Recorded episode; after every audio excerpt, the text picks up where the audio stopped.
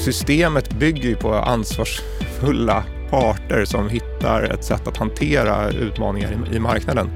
Och, och, där tycker jag att, att man nu står väldigt långt ifrån varandra och har träffat överenskommelser som, som går i motsatt riktning. Där hyresgästerna får hyresökningar på någonstans 3 5 procent kanske. Samtidigt som bor du i motsvarande en bostadsrätt så kanske du får 100 procent kostnadsökning om du tittar på räntekostnader och, och energipriser. Och det är inte rimligt. Jag menar inte att hyres, hyran ska gå upp med 100 procent, för det vore också orimligt, för du tar inte den typen av risk. Men skillnaden blir eh, enorm och fastighetsägarna får inte täckning för sina kostnader. Och, och, på sikt så kommer det bara leda till att, att du urholkar kvaliteten i bostäderna och i bostadsmiljöerna. Och det vi ser i andra änden är ju att hyresgästerna efterfrågar en högre kvalitet. Så att det, det, liksom, det går inte ihop. Ja, de hyreshöjningar som sker just nu, de räcker inte för att hålla uppe kvaliteten på bostäderna. Kvaliteten kommer att urholkas, något som hyresgästerna inte önskar och behöver.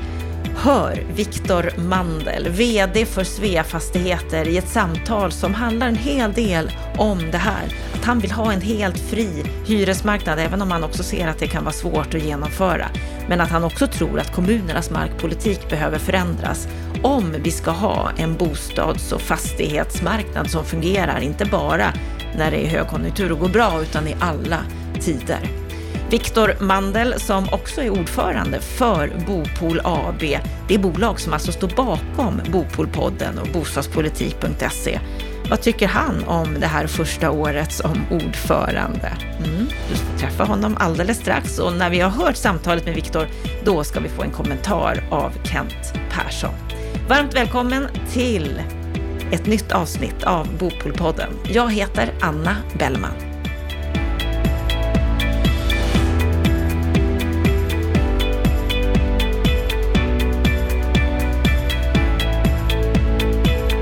Om läget på marknaden, vad vi ska tycka om hyressättningssystemet och hyresförhandlingarna och vad vi egentligen har att vänta oss framåt. Det ska vi prata om just nu. Så jag säger varmt välkommen till Bopolpodden, Viktor Mandel. Tack. Vad är din sinnesstämning idag? Ja, men jag är positivt lagd så att eh, jag har en positiv och glad sinnesstämning och eh, vi kommer, idag håller vi faktiskt på att flytta in väldigt många hyresgäster i våra nyproducerade hus och det är en speciell känsla för det är lite det vår verksamhet syftar till. Så det är lite som examensdag här så det är väldigt kul. Du är ju vd på Svea Fastigheter. Ja, precis. Och ni har många hyresgäster som ska flytta in, eller? Ja, men vi är ett fastighetsbolag som eh, har en stor nyproduktion av hyresbostäder jämfört med vår storlek på vår förvaltning i alla fall. Och, eh, så det är, det är stor tillväxt och eh, det är ett ganska ungt företag men som växer kraftigt. Då. Men berätta, hur stora är ni? Ja, men vi förvaltar ungefär 2000 bostäder och så bygger vi ytterligare ungefär 1000 Lite drygt 1000 har vi i produktion och färdigställer någonstans 700-800 per år. I år blir det lite mer faktiskt, så vi får se.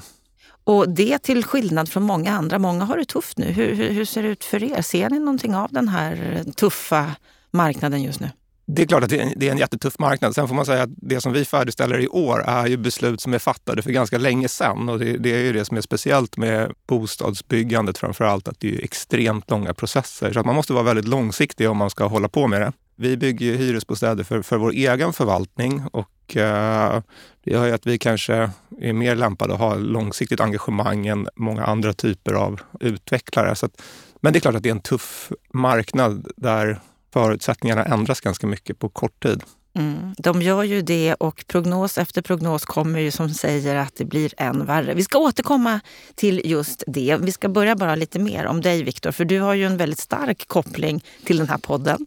Till bostadspolitik.se som den här podden är en del av. Du är ordförande i Bopol AB som bolaget heter som står bakom både sajten och podden. Hur är det att vara ordförande här? Ja, det är lite speciellt. Jag har ju en bakgrund i fastighetsbranschen och sitter ordförande i många olika fastighetsbolag. Men, men det här är lite annorlunda, en annan typ av diskussioner som försiggår även på styrelsemötena. Men vi kom ju in i det här genom att eh, SBB äger hälften av Svea Fastigheter och eh, de var en stor aktör på bostadsmarknaden. Och eh, när när Veidekke egentligen undrade om det fanns flera som var intresserade av att vara med och driva den här plattformen så tyckte väl vi att, att det var väldigt bra bostadspolitiska frågor är viktiga. Inte bara för oss som bransch, men, men för liksom hela samhället. Samtidigt som de är ganska politiskt iskalla. Så att då tycker jag att det är viktigt att det finns en arena där den typen av diskussioner kan föras. Och det är egentligen därför vi har ett engagemang i det här. Mm. Hur tycker du att det här första året har varit? Nej, men jag tycker att, eh, att det har varit eh, bra. Jag tycker att det finns mycket kvar att göra och vi har ju testat att ha seminarium som jag tyckte blev riktigt bra. Och eh, jag är en trogen lyssnare på, på podden, både på, på nyheten och på intervjun som jag tycker tillför någonting. Så jag tycker att vi är på rätt väg. Härligt. Och det är ju fler som tycker att det är bra och ännu fler som kommer till både podden och till sajten. Det ökar ju hela tiden. Ja, men det är en ganska stark tillväxt. Jag tror att det, det är välförtjänt. Ja, sen ett år tillbaka så är du engagerad och det är på grund av SBB, precis som du sa, som ju köpte Svea Fastigheter i slutet av 2020, eller hälften. Du var då en av ägarna, nu anställd.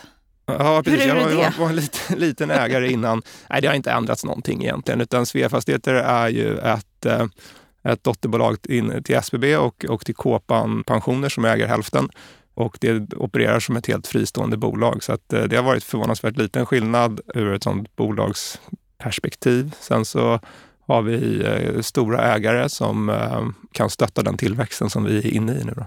Har du aktier i SBB eller fick du betalt genom aktier? Jag har aktier i SBB. Hyggligt många, men för tillfället ganska lågt värderade. Då. Ja, de har ju sjunkit ganska rejält, precis som väldigt många fastighetsaktier ju har gjort. Du, Viktor, bakgrund på KTH, Nordanö. Precis, att jag eh, kommer från en familj med, med fast, där, där vi har ägnat oss åt fastighetsförvaltning. Så att, eh, jag gick på KTH och läste fastighetsekonomi. Och sen så började jag på, på Limedörfer som det heter då, som är Nordarna nu, med rådgivning i affärer. Det tycker jag var extremt lärorikt. Eh, jag fick se hur många olika företag fungerar och jag fick se mycket av Sverige. Jag har hållit på med, med bostadsaffärer och affärsutveckling inom bostäder egentligen sedan 2007. Och det har gått lite olika trender under den tiden. Det har varit eh, mycket ombildningar till bostadsrätter när jag började och sen så var vi med och, och, och funderade på strategi åt det som är nu är stora bolag som Rikshem och Willhem och, och som var Akelius. Då. Och, och, sen så nu är det en helt annan trend. Så att, eh, det gäller att hitta affärsmöjligheter i, i de marknaderna som finns. Och när jag läser på om dig, för vi känner ju inte varandra jätteväl även om vi har haft en hel del att göra med varandra det här året, så, så läser jag att Framförallt så skrevs det om dig så här när du tillträdde som vd för Svea Fastigheter att du har i styrelsearbetet visat på en exceptionellt god analytisk förmåga och riskbedömningskompetens med djup marknadskunskap i ett långsiktigt perspektiv. Låter ju som förmågor som verkligen behövs i dagens läge. Ja, men jag, tror, alltså, jag brukar säga att mitt jobb handlar väldigt mycket om den här riskhanteringen. Och eh, i ett bolag som vårt där vi bygger mycket och investerar mycket och det är stora mängder kapital så handlar det väldigt mycket om att förstå vilka risker vi tar, när vi tar dem och varför. Och, och då är ju kanske det här analytiska sinnelaget eh, lämpligt. Då. Är inte det extremt svårt just nu? Att verkligen fatta rätt beslut, att se risken framför sig, det, det, är jobbigt att fatta beslut nu när det är en sån här marknad som, som är eh, osäker och som snabbt har ändrat sig. Sen så tycker jag att liksom den, för vår del så har vi aldrig haft så hög efterfrågan på vår produkt som vi har idag. Det är fler som vill flytta in. Hyresgästerna vill betala högre hyra än de någonsin har velat eh, göra innan. Och eh, de är mer nöjda när, när de har flyttat in än vad, än vad det varit tidigare. Varför så. tror du att det är så? Hyresrätten har ju en viktig roll eh, på bostadsmarknaden för att det, är en, en, eh, det bör vara en kort väg in. Ett lätt beslut att fatta att hyra en bostad för du binder upp dig för tre månader eh, med en ganska låg kostnad. Så din, din transaktionskostnad är egentligen låg. Och i teorin så borde du kunna växla bostad på ett enkelt sätt både till och från hyresrätt. Och i en marknad där det blir hög osäkerhet så är det klart att det är viktigt. Du har en, en kostnad som är väldigt förutsägbar. Den varierar ganska lite med tiden och du står liksom utan exponering mot, eh, mot skuldsättning egentligen. Du, du skulle kunna ha lite pengar på banken istället för att ha stora lån. Och det är klart att i ett sånt här marknadsklimat som det är nu så är det attraktivt. Mm, för många. För många. Jag brukar säga att hyresrätten är, passar alla vid någon tid i livet. Eh, men den passar inte alla alltid och det ska man också veta att vår, vår produkt är inte vi försöker inte tillgodose alla behov i alla lägen, men, men eh, vi brukar försöker ha trivsamma hem. Där människor trivs och det gör de mer och mer. Du, för ett tag sedan här så gick SBB ut, det var i samband med Q4-rapporten, om att de tittar på att särnotera ert bolag, särnotera Svea Fastigheter. Han menar, Ilja Batljan, som är vd och grundare av SBB, att den senaste tiden så har de upplevt stort intresse från internationella investerare för Svea Fastigheter.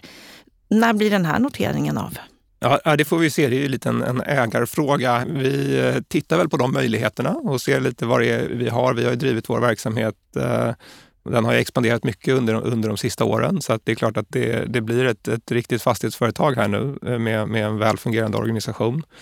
Så att vi får se hur det blir med det. Och det är klart att det har varit ett intresse, vilket är lite intressant. Om man säger att eh, aktie, alltså vi pratade innan om, om värdet på, på aktier och det är ju ganska lågt nu. Och det är klart att det drar till sig vissa investerare som tycker att det nu är ett opportunt tillfälle att, att komma in i den här marknaden. Det sägs också, eller Ilja sa det när, han gjorde det här uttalandet, att Svea Fastigheter har ett väldigt starkt engagemang i hållbarhetsfrågorna och att det gör att bolaget också blir extra intressant. Har ni ett större engagemang i hållbarhetsfrågor än andra bolag?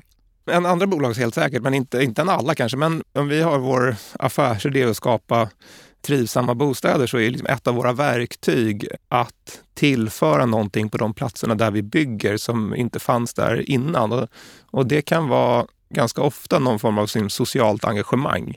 Och vi pratade om hur vi eh, nu eh, flyttar in många hyresgäster och det gör vi till exempel i flera liksom, miljonprogramsområden där vi tillför nybyggda bostäder och vi tillför också ett liksom, socialt engagemang där vi interagerar med lokala föreningar och hjälper dem att hitta lokaler och fylla deras verksamhet med, med idéer och så. Så att, eh, där, där tycker jag vi har ett, ett, stort engagemang och samtidigt så finns det ju den andra sidan som är hållbarhet som handlar om att när vi bygger så, så skapar vi en påverkan på miljön. Eh, både på kort och på lång sikt. Och där finns det väldigt mycket som vi kan göra för att förbättra det. Och, och där har vi ett väldigt stort engagemang, både vad det gäller liksom energieffektivitet. Vi har byggt hus, eh, flera hus som genererar mer energi än vad de förbrukar genom sina solpaneler och effektiva lösningar. Men vi har tittat mycket på, på hur vi minskar koldioxidutsläppet och, eh, från, vår, från vår produktion. Vi bygger mycket med betong och det släpper loss mycket koldioxid i atmosfären. Men, men, men där har vi också hittat sätt hur vi kan göra det. Så vi eh, släppte vår hållbarhetsredovisning här förra veckan och, och då ser vi att vi reducerar med över 40 procent koldioxidutsläppet på det vi bygger i år eh, jämfört med det vi färdigställde 2018. Så att det, i fastighetsbranschen går det att göra väldigt mycket och det är kul. Då. Ja, ni har bland annat gått ut och sagt att ni gör Sveriges första plusenergihus. Ja, precis. Det har vi gjort. Det blev ju färdigt redan 2018 va, i, i Västerås. Så att eh, det står där och eh, genererar mer energi. Men det som är det roliga var att då tyckte vi att det var väldigt avancerat eh, och, och vi ansträngde oss mycket för att bygga det. Men när vi skulle bygga nästa hus i grannkvarteret som är ett trygghetsboende så använde vi samma teknik och insåg att merkostnaden var väldigt liten när vi väl hade lärt oss hur, man gör. Så att, eh, den tekniken tar vi med oss eh, till, till alla våra hus nu. Sen kanske de inte blir plusenergi, men, men de kommer ganska nära i alla fall. Bland annat så har ni varit ute och fått mycket uppmärksamhet kring ert kollektivhus Rudbeckia. Ja, speciellt precis. med det? Exakt. Nej, det är i Uppsala och det är också lite speciellt vad man kan göra när man eh, bygger nytt för sin egen förvaltning. För att eh, i Uppsala fanns Rudbecka som var en, en kollektivhusförening som hade ett kollektivhus med många medlemmar men inte så många lägenheter. Och eh, de ville gärna eh, bygga ett nytt hus men, men det är som vi har varit inne på en kapitalkrävande och komplex eh, verksamhet. Så att då gjorde vi ett partnerskap med, med den föreningen och tog fram ett nytt hus som är 40 vanliga lägenheter och 40 kollektivhuslägenheter som är byggt i Rosendal i Uppsala.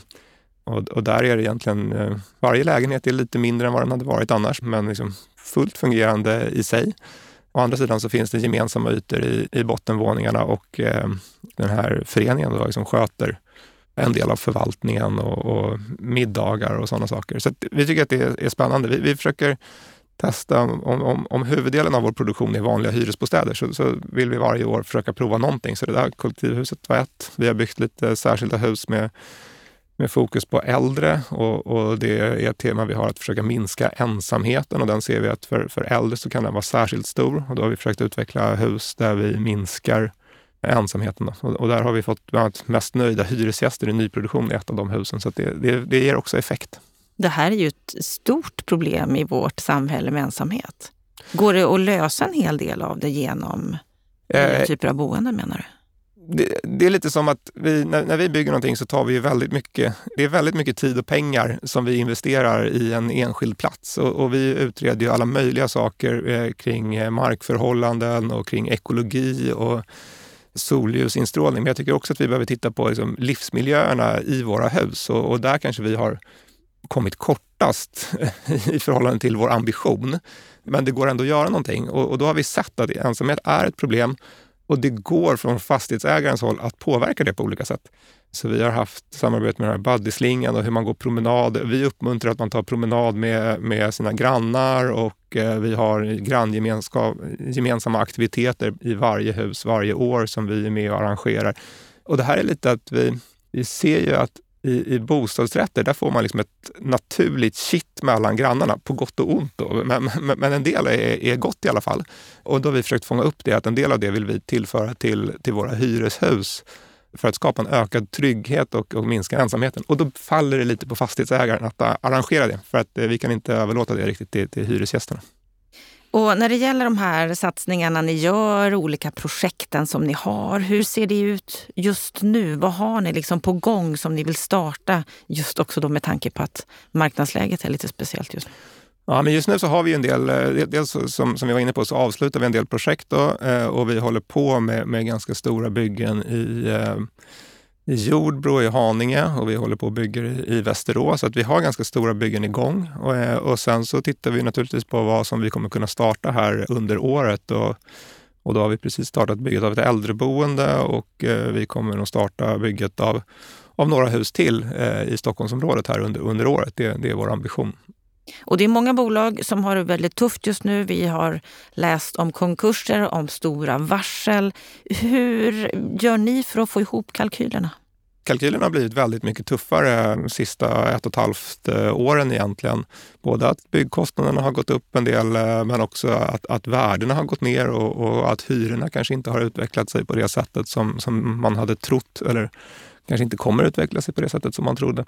Men, men för oss är det naturligtvis viktigt att inte var, och nu kommer vi tillbaka till det här med riskhanteringen, att när eh, marknaden var som mest positiv så kanske inte vi drog ut den linjen i evighet utan hade väl en, en uppfattning om att nu kanske markpriserna är lite för höga för oss för att vi ska kunna vara, göra någonting vettigt här och då fick vi kanske lugna oss lite i, i vår produktion. Och det har vi lite hjälp av nu, att vi inte har eh, vi har gått in med ganska rimliga antaganden i de projekten som vi har som, som kommer. Är det fortfarande tillväxt? Hos oss? Mm. Ja, men vi är fortfarande en stark tillväxt och vi liksom räknar med att eh, starta de projekten som, som blir eh, redo för det. Sen så drar ju ut eh, planprocesser och kommunala infrastrukturutbyggnader och sånt. De påverkas ju också av att priserna går upp och måste kanske göra om sin kalkyl och, och så. Så att, det sänker också byggtakten. Vad är de största bromsklossarna eller den största bromsklossen skulle du säga? För att starta nya byggprojekt nu? Mm. Ja, det är en bra fråga. Jag ska säga att det, det, är ju att få fram pengar till det egentligen. Jag tycker att våra lånevillkor tajtas till med en högre ränta så, så blir det mindre överskott på, på våra befintliga, alltså på vår förvaltning så att vår, vårt kassaflöde påverkas kraftigt negativt av det. Så det, det, är väl den stora frågan. Det har blivit mycket dyrare att, att finansiera vår, vår produktion. Sen tycker jag att eh, vi har haft, haft svårt att, att, få ihop entreprenadavtal. Vi har tyckt att kostnaderna har varit för, för höga och, eller osäkerheten för stor. Där tycker jag att jag ändå ser en, en ljusning. Att jag tror att det kommer gå att få ihop några kalkyler här. Och då tänker jag mot bakgrund av det du berättar, är det liksom rätt timing att notera bolaget i, i det här läget? Det är inte riktigt en fråga för mig, men jag tycker att det finns en jättestor efterfrågan på hyresbostäder i Mälardalsregionen där vi verkar och eh, det är väldigt höga barriärer för att komma in på den marknaden. Vi har en ganska stor byggrättsportfölj som vi arbetar med och eh, Jag är helt övertygad om att det här kommer bli ett väldigt bra bolag på sikt. Så på så sätt så hade jag gärna ägt lite aktier i det. Som ett litet tips. Om vi ska titta då på läget på marknaden just nu, finansieringsläget. Vi har ju fått ett par rapporter här sista två veckorna, bland annat Veidekkes rapport som ju pratar om en total kollaps på marknaden. Vi har byggföretagens nya rapport som säger att det kommer bara byggas 25 000 bostäder under det här året. De är ju ännu mer pessimistiska. Vad säger du om de här rapporterna? Ja, nej, jag tror att det är helt rätt. Eh, jag tycker framförallt imponerande och Veidekkes rapport tycker jag är, är väldigt bra och läsvärd och, och fångar upp en del äh, viktiga frågor. Och det är klart att det är väldigt svårt att hitta de som vill investera i, i sin bostad nu. Och särskilt på, på BRF-sidan eller småhussidan så är marknaden osäker. Du vet inte vad priset är för på andrahandsmarknaden. Och du vet inte riktigt vad din ränta kommer vara. Och det är klart att det är väldigt svårt att köpa någonting i, i den marknaden samtidigt som byggpriserna har gått upp så att produkterna har blivit egentligen dyrare. Så det är helt naturligt att det är väldigt eh, osäkert där. Och det är inte, inte konstigt eh, egentligen. Jag har en favoritgraf som visar bostadsbyggandet över de sista 150 åren. Och, och, och, där är det alltid så att när det har varit en lite stark uppgång, uppgången kommer under liksom tre till fem år i, i, i produktionstakten, men sen blir det ett abrupt eh, fall av något skäl. Då. Det kan vara eh, 90-talskrisen eller det kan vara eh, finanskris eller vad det är. Men det blir alltid ett brant fall och sen ligger bostadsproduktionen på, på låga nivåer. Och, och, och det kan jag tycka är en, en, ett problem att, att den här marknaden fungerar bara när det är en riktig högkonjunktur. Eh, annars är det en väldigt liten produktion. Och det är ju inte hållbart på sikt med tanke på vad vi behöver i vårt samhälle och så vidare. Vad, vad, vad skulle krävas för att den ska fungera även i sämre tider? Det finns väl flera, flera frågor, men för, för vår del så är det mycket tillgången på mark och liksom hur förutsägbar den är. Processerna från att vi har en markanvisning och det är ändå någonting när, när kommunen kanske har bestämt sig för att bygga på en viss plats till att vi kan börja bygga. Det tar ju ofta bortåt tio år och det är klart att under den tiden hinner marknaden förändras väldigt mycket. Så att eh, förutsättningarna för att eh, kreativa bolag ska kunna göra någonting under den tiden, den är inte så stor. Eh, för att eh, du får ofta någon kris emellan och så blir det det du trodde att du skulle bygga efterfrågas inte när den här tiden har gått. Så att jag skulle väl generellt tro att fler, liksom, mer planlagd mark och fler färdiga kvarter som, som ligger öppna för, för byggande skulle påverka produktionen positivt. Och så har det också, tittar man historiskt, så har det ju varit så att det har funnits mycket mer färdig planlagd mark eh, än vad, vad det gör nu. Det är nog det stora. Kommunernas markpolitik. Ja. Mm. Sen behöver inte det vara positivt för oss som företag att, att ändra i det för att, eh, att det är väldigt lågt utbud av, av byggbar mark och särskilt för hyresrätter då gör ju att våra hus blir mer värdefulla. Men, men eh, om vi tittar då på Veidekkes rapport så menar ju de att hyresrätter kommer att minska lika mycket som ägda bostäder när det gäller vad som byggs. Delar du den uppfattningen? Nej, det, det tror jag inte riktigt. Jag, jag tycker att eh, förutsättningarna ser ändå lite annorlunda ut. Och det var det vi var inne på innan här med att efterfrågan på hyresbostäder är ändå jättehög. Så det tror jag kommer göra att man kommer kunna, kunna bygga lite i alla fall. Det kommer vara en kraftig nedgång, men jag tror inte att det blir lika dramatiskt som för det ägda boendet. Men en kollaps på marknaden, är det det vi har att vänta nu? Ja, ja från de nivåer som vi har, har vant oss vid de sista åren så är det ju en, en dramatisk eh, skillnad. Alltså det påverkar rörligheten, för jag ägnar mig ibland åt att titta på vilka lägenheter som förmedlas. Och, och tittar man på hyresbostäder så står ju nyproducerade lägenheter för ja, någonstans runt 25 procent av, av den förmedlade volymen av, av, vanliga kontrakt. Men det står ju för bara en eller två procent av utbudet. Så att liksom, möjligheten att komma in på, på bostadsmarknaden påverkas väldigt mycket av, av nyproduktionen. Det är liksom den som är ett oproportionerligt stort, eh, skapar en o, o, oproportionerligt stor rotation. Mm, det är ett exceptionellt läge just nu. Och vi har ett speciellt läge också när det gäller, om vi ska gå vidare i den här diskussionen, när, när det gäller hyrorna. Vi är ju mitt inne i, i en förhandlingssväng just nu. Hur ser du på det hyressättningssystem som vi har i Sverige? Ja, jag, jag, jag är ju kanske inte en, en, stor vän av det hyressättningssystem vi har idag. Jag tycker att det är väldigt eh, trögjobbat och inte gynnar varken eh, hyresgäster eller liksom marknaden i stort, utan det just bidrar till att, att ha en låg rörlighet och, och låsa in eh, folk i de bostäderna de bor i för tillfället. Så jag, jag, är framför allt kring eh, de, de liksom årliga hyresförhandlingarna tycker jag att det är riktigt oroande. Nu har vi en realt sjunkande hyra samtidigt som just de kostnaderna som påverkar fastighetsägaren har ökat betydligt mer än inflationen. Alltså både energi, eh, räntekostnader men också liksom entreprenadkostnader för bygg och underhållsåtgärder. Och systemet bygger ju på ansvarsfulla parter som hittar ett sätt att hantera utmaningar i, i marknaden.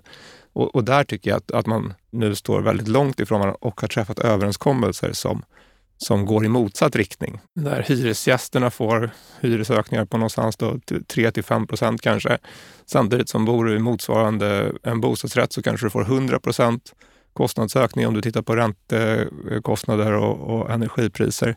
Och det är inte rimligt. Jag menar inte att hyres, hyran ska gå upp med 100 procent, för det vore också orimligt, för du tar inte den typen av risk. Men skillnaden blir eh, enorm och fastighetsägarna får inte täckning för sina kostnader. Och, och, på sikt så kommer det bara leda till att, att du urholkar kvaliteten i bostäderna och i bostadsmiljöerna. Och det vi ser i andra änden är ju att hyresgästerna efterfrågar en högre kvalitet. Så att det, det, liksom, det går inte ihop. Så att eh, med det hyressättningssystem vi har, med de förhandlingssituationer som vi har, så kommer inte kvaliteten att kunna upprätthållas? Nej, det, det, det går inte. Vilket system skulle du vilja se?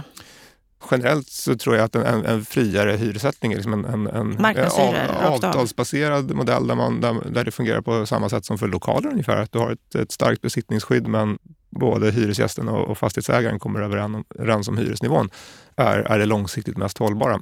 Skulle det gå att införa ett sådant system det, i Sverige? Det, det tror jag är svårt eh, på, på kort sikt. Och, och då handlar det väl om att titta på de delarna i det hyressättningssystem vi har nu och, och vad man kan göra åt det. Och då tycker jag att de här årliga hyresförhandlingarna är osäkra, tar väldigt mycket tid och energi, eh, leder till, som i år, ett, ett lite konstigt resultat. Och, och tittar vi ur ett längre perspektiv så hamnar man väldigt nära inflationsjusteringen samtidigt som man ligger klart under disponibelinkomsternas utveckling. Och då tror jag att i, det, här, det har kunnat fungera i en tid när vi har haft fallande räntor och ökande fastighetsvärden. För fastighetsägarna har fått någon form av kompensation på, på värdesidan som har gjort att det har gått att investera och hålla upp kvaliteten i alla fall.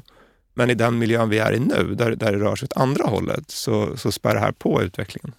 Är vi för bortskämda med att fastighetsägarna har haft de här billiga pengarna som många benämner det som, att de har haft höga fastighetsvärden och på så sätt kunna hålla uppe kvaliteten i sina fastigheter? Ja, jag tror att eh, man, man, man, tänker ibland att det har varit något positivt eh, enbart för fastighetsägarna, men det har också gynnat eh, hyresgästerna och samhället i stort. Dels har vi kunnat ha en större produktion än vad vi har kunnat ha annars, att vi har kunnat tillföra mer, mer utbud. Men vi har också kunnat renovera många fler lägenheter än vad vi hade gjort eh, annars. När, när kostnaden för kapital var lågt så, så var det lätt att investera i, i befintliga hus och eh, hyran behövde inte höjas särskilt mycket för att få en ganska markant eh, kvalitetshöjning. Så på så sätt har hyresgästerna fått bra lägenheter till relativt låg kostnad på grund av att fastighetsvärdena har gått upp. Och det är jag orolig för om, om, om parterna på, som, som förhandlar hyra förstår konsekvensen när det, den förutsättningen inte längre finns. Så vi riskerar alltså ett fastighetsbestånd med mycket sämre kvalitet?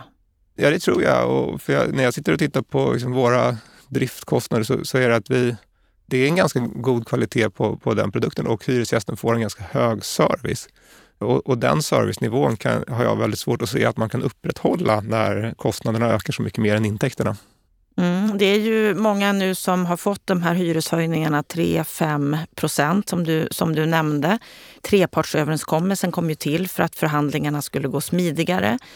Vad tycker du om trepartsöverenskommelsen och hur de har fungerat nu?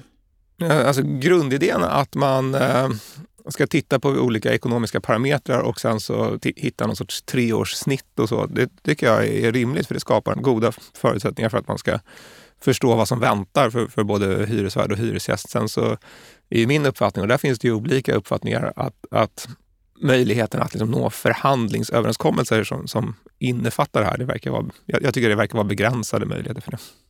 Heimstaden och flera andra bolag har gått ut och begärt nya hyresförhandlingar i Malmö, något som man får göra var sjätte månad enligt lagen. Skulle ni kunna tänka er att göra samma sak, att försöka höja hyran mer? För oss är situationen lite annorlunda i, inom Svea Fastigheter eftersom vi har nästan bara fastigheter som är, som är nyproducerade och där vi har en presumtionshyra som är ganska hög. Så att för vår del så tycker jag att där ser liksom förutsättningarna lite annorlunda ut. Så det, det, är väl ingenting som är aktuellt för, för vår del. Vilket system skulle du vilja ha för att hyrorna ska kunna sättas på ett rimligt och rätt sätt? Nej, jag, jag tycker att eh, det, det, systemet som finns på lokalsidan, att, att det är, är en inflationsjustering och, och, på hyressidan så skulle man väl kunna ha just det här med, med treårssnitt, vore ganska rimligt. Och tittar man då på det vi har pratat om, om nu med hyressättningssystemet som du inte tycker fungerar riktigt och inte förhandlingssystemet heller. Att, att fastighetsägarna får inte kompensation för kostnader, att det borde bli dyrare för hyresgästerna att eh, få bo i sina hyresrätter och vara med och dela på kostnaderna. Hur tänker du då när det gäller en annan problematik som vi har i vårt samhälle? För det betyder ju per automatik att det blir dyrare att bo för många. Vi har en bostadssocial problematik. Många som har det knapert, har det tufft. Hur ska vi lösa den frågan? Jag, jag tycker att är, man, man får, får titta på det lite ur, min, min inställning i alla fall, att man får titta på det ur, ur två perspektiv. Att det finns de hushållen som har väldigt begränsad ekonomi och det, det har vi stor respekt för. Och, och hos oss så, så, jobbar vi också med att hitta lösningar där, där man kan även med, med en begränsad ekonomi få hyra vettiga bostäder och vi har flera initiativ för hur vi kan bygga lägenheter för till exempel ensamstående eh, föräldrar och, och vilka kvaliteter som behöver vara i en lägenhet för det. Så vi har full respekt för det. Däremot så är det så att den stora majoriteten av hyreskollektivet, där är det rimligt att eh, hyran också kan öka som andra kostnader i samhället. Vi kan liksom inte ha att, att hela hyreskollektivet begränsas av att det finns vissa hushåll som har väldigt små resurser.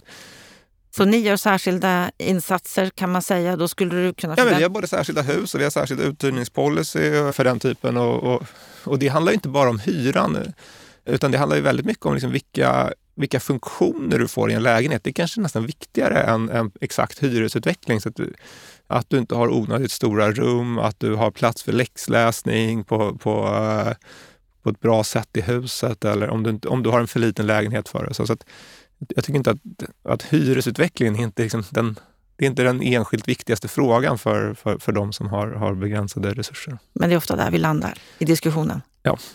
Från politiskt håll, vad skulle du vilja se mer från våra politiker?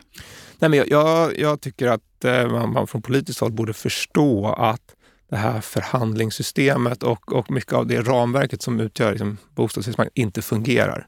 Eh, och där tycker jag att eh, båda, eller alla tre parterna som, som är på, på, på marknaden, alltså Sveriges allmännytta och Fastighetsägarna och Hyresgästföreningen, de ju, tycker ju att, att det fungerar. Jag tycker som eh, ansvarig i ett, ett bostadsbolag tycker att det är väldigt svårt och att förutsättningarna är väldigt konstiga. Så jag, jag, skulle tycka att, att man skulle tala klarspråk där och säga att vi är inte överens om, om hur det här systemet ska fungera, för jag tror inte att egentligen man är det.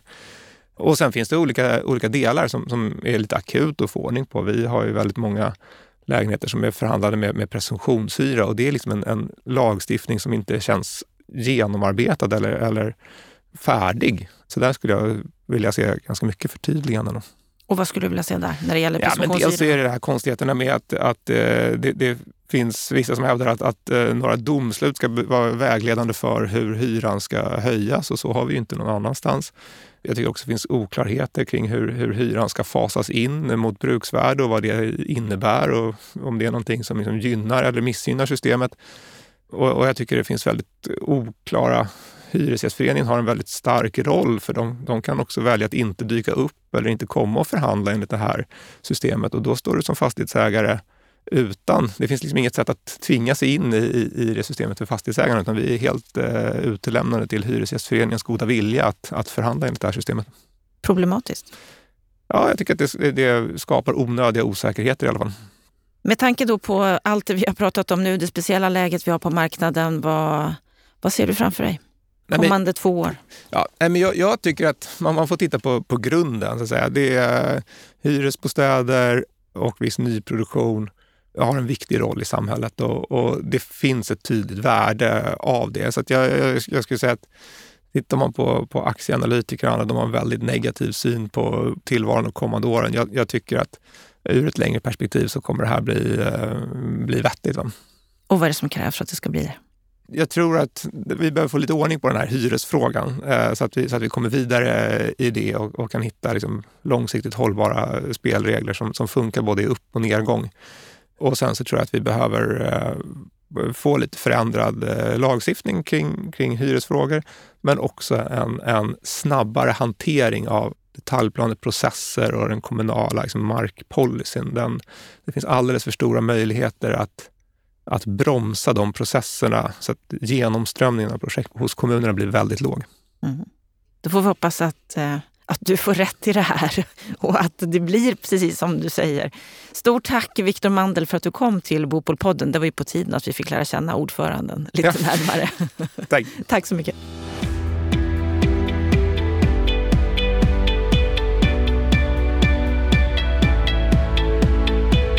Ja, då har vi hört samtalet med vår ordförande Viktor Mandel. Kent Persson, vad säger du om det här samtalet? Spännande samtal att lyssna på. Eh, dels utifrån att eh, Viktor är, är ordförande i vårt eh, bolag som driver den här podden och vår sajt och, och våra event. Så att jag har lärt känna honom under, under ett år nu när vi har arbetat ihop. Och min bild är att han är väldigt analytisk. Så det, det är väl liksom ur det perspektivet spännande att fler får ta del av det. Och sen har han ju intressanta tankegångar när det gäller bostadspolitiken både på kort och lång sikt. Ja, och det som är speciellt, tycker jag, med, med det vi pratade om, det är ju att han är väldigt tydlig med att om vi inte får högre hyreshöjningar så kommer kvaliteten på bostäderna, på fastigheterna att urholkas. Vad säger du om, om det?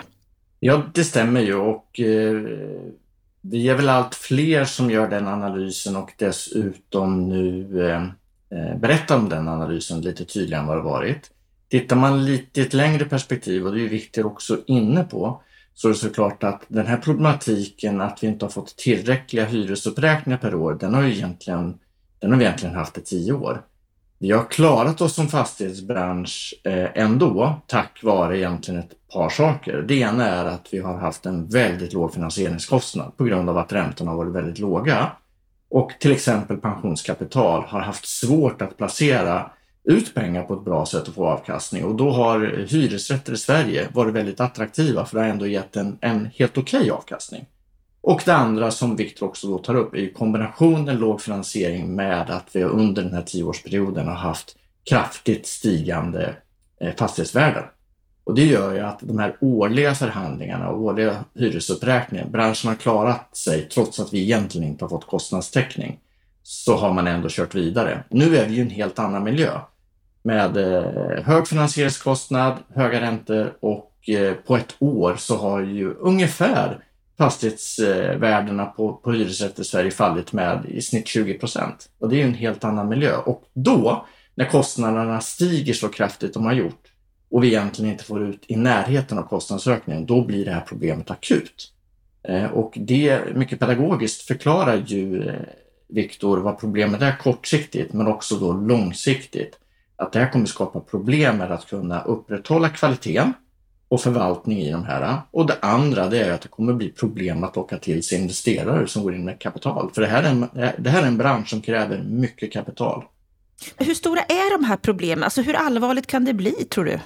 Ja, det kommer att kunna bli ännu mer allvarligt än vad vi ser. Jag tror att vi kommer att tyvärr få se att flera fastighetsbolag kommer behöva bromsa in eh, förvaltningen, renovering, skjuta en hel del kostnader framför sig.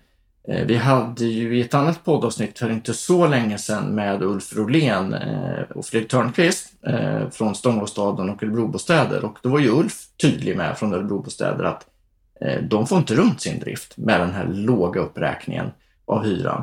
Vilket gör att de måste spara pengar på förvaltning, vilket gör att de förmodligen behöver sälja fastigheter. Så att även stora allmännyttiga bolag som är välskötta och som har lägre avkastningskrav än vad den privata sektorn har och som har lägre kostnader för finansieringen klarar inte av att få driften att gå runt. Och det kommer att hota kvaliteten i hyresrätten. Och det är allvarligt. Ja, det är allvarligt för att, att eh, i och med att hyresrätten är så pass stor i Sverige. Vi har ju en, en, en eh, bostadsmarknad med en eh, mix av hyresrätter, äganderätt, lägenheter, bostadsrätter och sen eh, småhusäganderätt, eh, enk, enkelt uttryckt. Och hyresrätten är ju rätt stor i Sverige jämfört med i andra länder. Och den mixen kommer ju bestå under en överskådlig tid.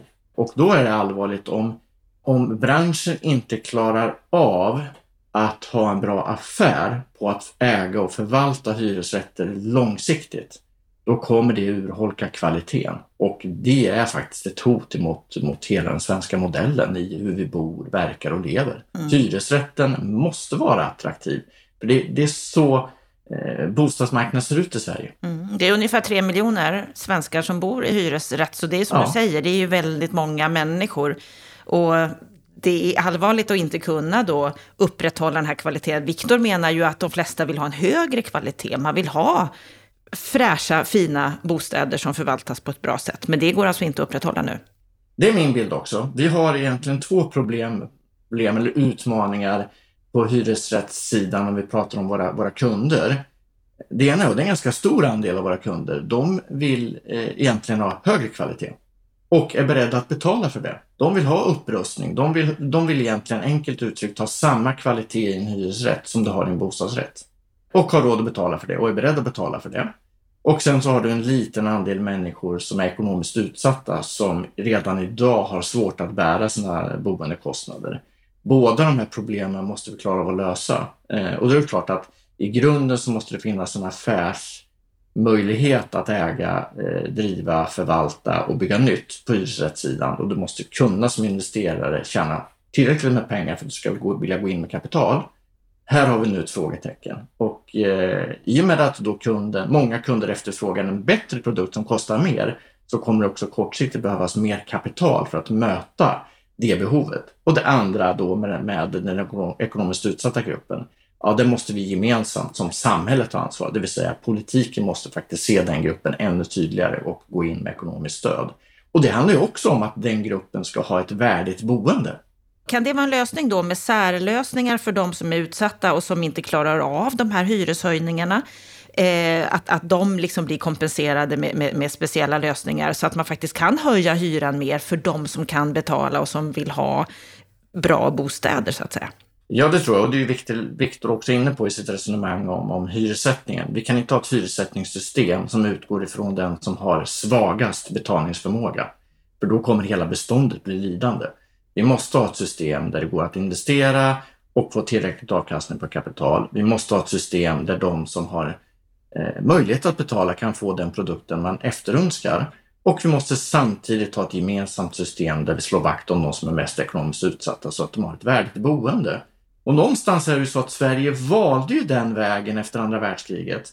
När vi gjorde de här stora investeringarna i bostadsområden och där vi sa gemensamt som, som, som land och samhälle att vi ska ha en hög eh, boendestandard i det här landet. Och det har vi ju försökt upprätthålla sedan dess. Och det ska vara en hög boendestandard för alla. Men ska det nu kunna gå framåt, ja då måste det göras en del korrigeringar på, på hyresrättsmarknaden och framförallt den, den årliga eh, hyresuppräkningen. Vi som fastighetsägare måste kunna få täckning för våra kostnader, annars urholkas hela hyresrättens framtid faktiskt. Viktor vill ha en helt fri hyresmarknad. Hur ser du på det? Ja, det är intressant. Han är ju en, en av de, kanske inte en av de få, men en av de få som faktiskt öppet debatterar för det. Eh, och det har jag respekt för att man vill att eh, bostadsmarknaden ska avregleras som en marknad. Eh, och då kommer det verkligen behövas eh, Eh, ett stöd från eh, gemensamt, alltså från samhället för de som är ekonomiskt utsatta. För det kommer riskera att du får upp boendekostnaden lite grann. Kvaliteten kommer säkert också höjas. Jag skulle säga det att, att eh, tittar vi på de politiska möjligheterna för att få fri hyressättning på hela beståndet i Sverige så skulle jag säga att det är inte sannolikt. Det finns egentligen Ja, det, jag tror att Liberalerna driver det och möjligtvis Centern, men i övrigt så är det ju inget parti som driver det. Utan jag skulle vilja säga det att, att skulle vi på någon del av beståndet kunna få en något friare hyressättning och kunna få det att fungera så är det på nyproduktionen. Eh, men jag har väldigt svårt att se att man i, under överskådlig tid skulle kunna genomföra fri hyressättning på befintligt bestånd. Mm. Nej, han tror ju själv också att det är, att det är svårt att göra det, i alla fall ja, på, på, ja. på, kort sikt. Och det här är ju en fråga som är känslig politiskt. Den är känslig och samtidigt så tycker jag också det att branschen måste också våga tala om eh, hur man ser på förutsättningarna, vad det är som gör att det idag är svårt att äga och förvalta hyresrätter i Sverige och investera i det och vad det är som krävs för att öka attraktiviteten för att äga, förvalta och investera. Och i den delen tycker jag att det är bra att Viktor talar om hur hans syn, perspektiv är på detta. Och han är ju också en, en eh, driver ju liksom ett, ett, ett eh, hyggligt stort fastighetsbolag, så han vet ju vad han pratar om. Mm. Och han är ju också väldigt tydlig med att kommunernas markpolitik behöver förändras. Det kan inte ta så lång tid som det gör idag. Nej, Precis så, det tar alldeles för lång tid och det är en hel rad saker som behöver göras. Här är en del regelförenklingar. Här är ju regeringen på det och jag skulle vilja säga det, i det politiska landskapet så är det väl ingen som är emot regelförenklingar. Det är bara det att det ska genomföras också, statlig nivå, men sen krävs det också en uppföljning att kommunerna lever upp till detta och försöker att skynda på processerna. Idag så, i, i många projekt idag så tar det ju liksom tio år från markförvärv till att du kan börja bygga och eh, det är ju tio år som kostar pengar. Kostar pengar och nya förutsättningar, en ny marknad kanske? Exakt så, och det tar ju också Viktor upp att eh, det är ju, på de här tio åren så har ju förutsättningarna förändrats rejält i grunden. Det är ju också en jätterisk att ta Eh, som, eh, som investerar i hyresrättsmarknaden i Sverige ledtiderna på att producera nytt är alldeles för långa. Mm. Vi får se vad kommunerna och vad politiken klarar av att göra och förändra och förenkla under den här mandatperioden. Stort tack Kent för din kommentar. Stort tack till dig som lyssnar på Bopolpodden. Lyssna gärna in igen på fredag. Då är vi tillbaka igen med veckans Aktuellt med det senaste som har hänt under veckan. Och redan i morgon tisdag, om du alltså lyssnar på det här programmet när det släpps på måndagar, då kommer ett nyhetsbrev från bostadspolitik.se. Vi har nyhetsbrev både tisdagar och fredagar, så anteckna dig gärna för det om du inte får det redan nu. Med detta så önskar vi dig en riktigt fin vecka.